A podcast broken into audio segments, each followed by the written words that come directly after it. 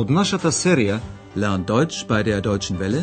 Учете германски со Deutsche Welle, чујте ја серијата Deutsch, warum nicht? Германски зошто не?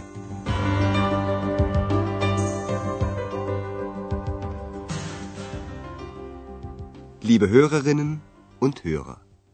Драги слушателки и слушатели, денес ќе ја слушнете 18-тата лекција од четвртата серија. Во минатата лекција Андреас и доктор Тюеман се прошетаат из Лајпциг. Во црквата Свети Николај, луѓето се сретнуваа и се уште се сретнуваат за да се молат за мир. Тие молитви имаат долга традиција. Слушнете го тој дел од разговорот уште еднаш и притоа внимавајте на формата за компаратив кај придавките. Ja, diese Tradition gibt es immer noch, obwohl zurzeit weniger Menschen kommen.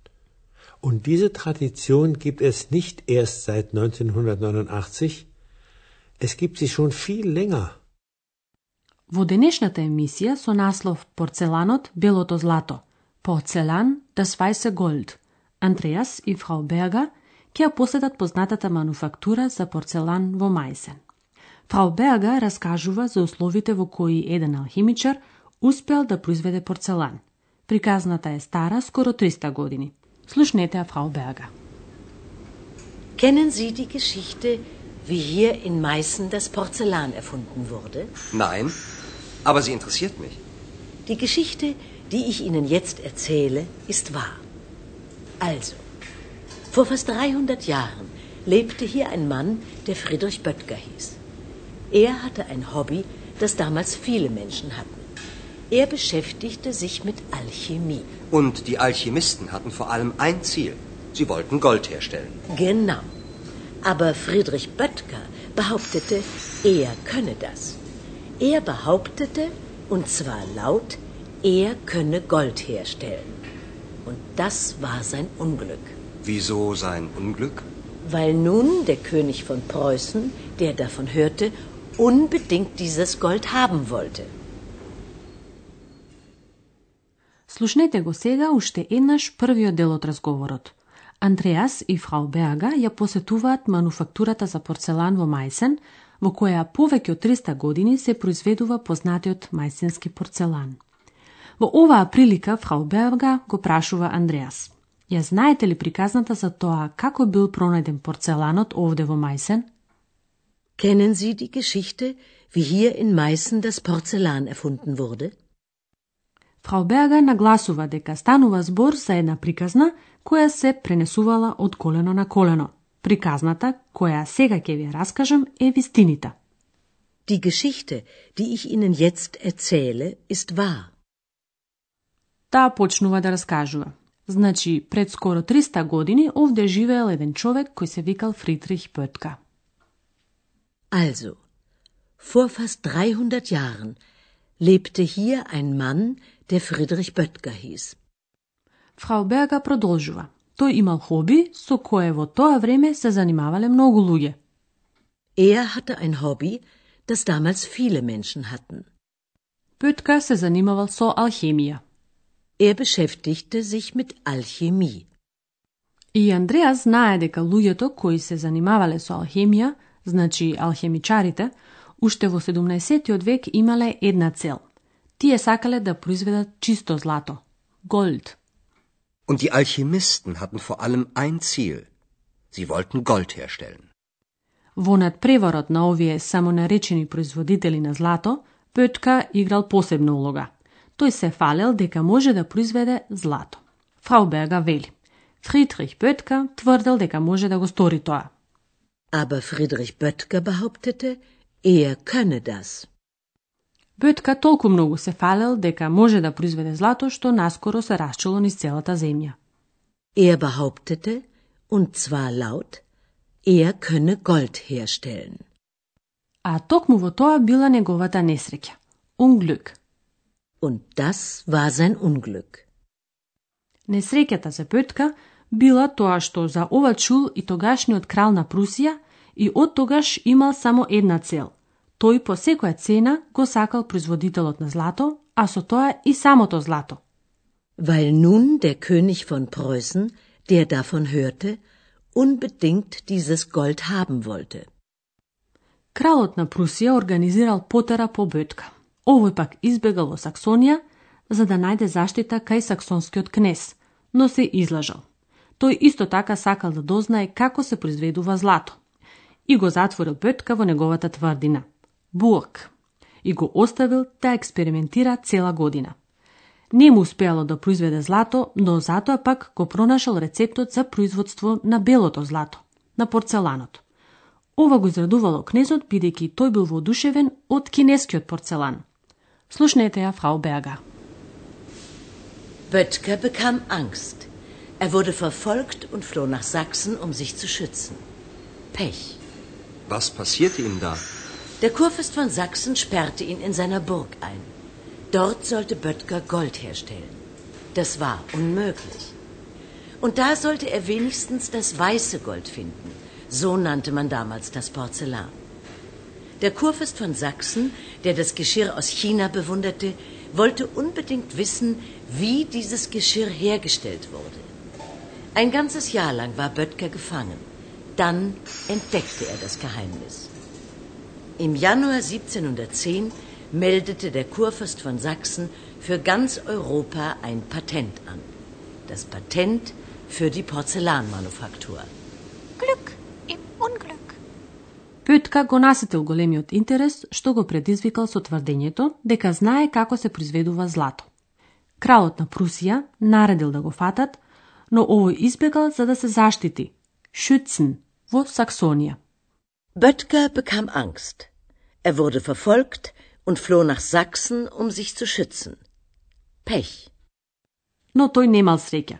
Кнезот на Саксонија го затворил во неговата тврдина. Der Kurfürst von Sachsen sperrte ihn in seiner Burg ein. Таму Бетка морал да произведе злато, што се разбира не му успеало. Dort sollte Böttger Gold herstellen. Das war unmöglich. Фрау Беага раскажува понатаму. Но не му му успеало да го пронајде белото злато, како што тогаш го нарекувале порцеланот. Und da sollte er wenigstens das weiße Gold finden. So nannte man damals das Porzellan. А тоа имало конкретна причина. Кнезот од Саксонија им се воодушевувал на порцеланските садови од Кина, Хина. Петка, кој бил затворен во тврдината, требало да пронајде како се произведуваат. Der Kurfürst von Sachsen, der das Geschirr aus China bewunderte, wollte unbedingt wissen, wie dieses Geschirr hergestellt wurde. И на Петка навистина му успеало да го пронајде начинот да дојде до белото злато. Цела година бил затворен во тврдината и дури тогаш ја открил тајната. Ein ganzes Jahr lang war Böttger gefangen. Dann entdeckte er das Geheimnis. Кнезот бил толку горд на тоа што во 1710 година пријавил патент за цела Европа. Патент за мануфактура на порцелан. Im Januar 1710 meldete der Kurfürst von Sachsen für ganz Europa ein Patent an. Das Patent für die Porzellanmanufaktur. Екс која има посебен однос кон тајните забележува. Среќа во несреќа. Glück im Unglück. Ова изрека често се употребува во германскиот јазик. Несреќата на Бетка е тоа што го заробиле, а среќата што и покрај тоа го пронашол рецептот за производство на порцелан. Сушност, кнезот исто така имал среќа што порцеланот од Мајсен станал познат и тој до ден денес се уште се произведува. Бетка починал 10 години по пронаѓањето на рецептот, на 37 годишна возраст. Ние сега ќе го ставиме настрана порцеланот и тајната на неговото производство и ќе ви објасниме други зависни реченици, а тоа се релативните или односни реченици.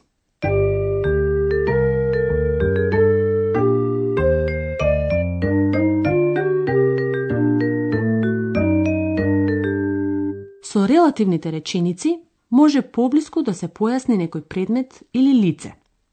Две исказни реченици при тоа се поврзуваат со помош на релативна заменка. Слушнете еден пример, прво две реченици посебно, а потоа поврзани во релативна реченица. Vor fast 300 Jahren lebte hier ein Mann. Der Mann hieß Friedrich Böttger. Vor fast 300 Jahren lebte hier ein Mann, der Friedrich Böttger hieß. Релативната или односна заменка стои десно од именката, што ја појаснува. Ова заменка ја има истата форма како и одредениот член. Во номинатив, при именки од машкирот, заменката гласи der. Vor fast 300 Jahren lebte hier ein Mann, der Friedrich Böttger hieß. Во номинатив, кај именките од женски род, заменката гласи die. Внимавајте, глаголот како и во сите зависни реченици стои на крајот од реченицата. Die Geschichte, die ich Ihnen jetzt erzähle, ist wahr. Кај именките од среден род, релативната заменка во номинатив гласи das. Er hatte ein Hobby, das damals viele Menschen hatten.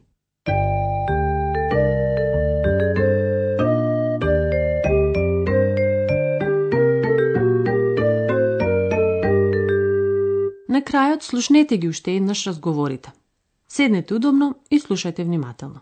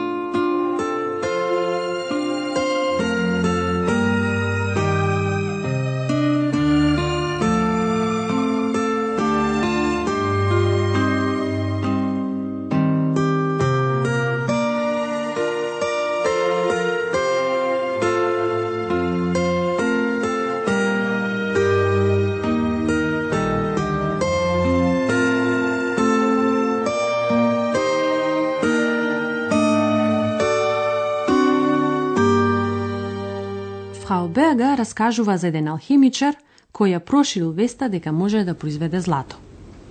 Kennen Sie die Geschichte, wie hier in Meißen das Porzellan erfunden wurde? Nein, aber sie interessiert mich. Die Geschichte, die ich Ihnen jetzt erzähle, ist wahr. Also, vor fast 300 Jahren lebte hier ein Mann, der Friedrich Böttger hieß. Er hatte ein Hobby, das damals viele Menschen hatten.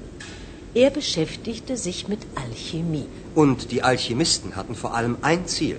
Sie wollten Gold herstellen. Genau. Aber Friedrich Böttger behauptete, er könne das. Er behauptete, und zwar laut, er könne Gold herstellen. Und das war sein Unglück.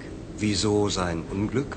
Weil nun der König von Preußen, der davon hörte, unbedingt dieses Gold haben wollte Петка бил затворен и не пронашол чисто злато, туку го пронашол рецептот за производство на порцелан. Böttger bekam Angst. Er wurde verfolgt und floh nach Sachsen, um sich zu schützen. Pech. Was passierte ihm da? Der Kurfürst von Sachsen sperrte ihn in seiner Burg ein. Dort sollte Böttger Gold herstellen. Das war unmöglich. Und da sollte er wenigstens das weiße Gold finden. So nannte man damals das Porzellan. Der Kurfürst von Sachsen, der das Geschirr aus China bewunderte, wollte unbedingt wissen, wie dieses Geschirr hergestellt wurde. Ein ganzes Jahr lang war Böttger gefangen. Dann entdeckte er das Geheimnis. Im Januar 1710 meldete der Kurfürst von Sachsen für ganz Europa ein Patent an. Das Patent für die Porzellanmanufaktur. Тоа беше се за денес. Во следната емисија ќе слушнете една репортажа за сојузната покрајна предна Саксонија. До тогаш до слушање. Тоа беше германски Зошто не? Радиоговорен курс на Херат Мезе во продукција на Дојче Веле и на Гетовиот институт од Минхен.